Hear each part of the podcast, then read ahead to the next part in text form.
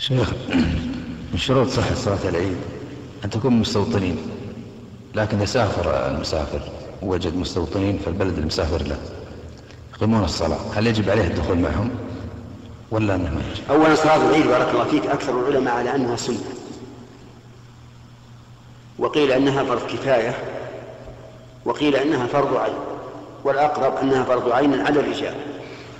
لأن النبي صلى الله عليه وسلم أمر حتى النساء حتى الحيض حتى ذوات الخدور والعواتق أن يخرجن لصلاة العيد.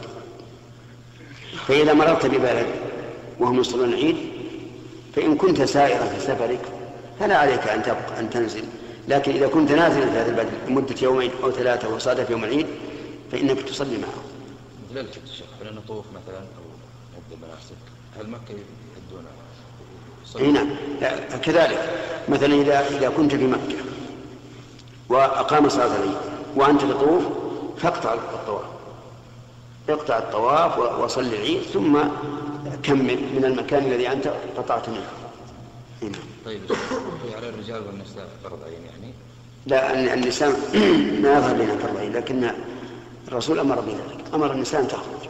ولهذا ليس هناك صلاة تدعى إليها المرأة لا الجمعة ولا الصلوات الخمس ولا قيام رمضان إلا صلاة الليل.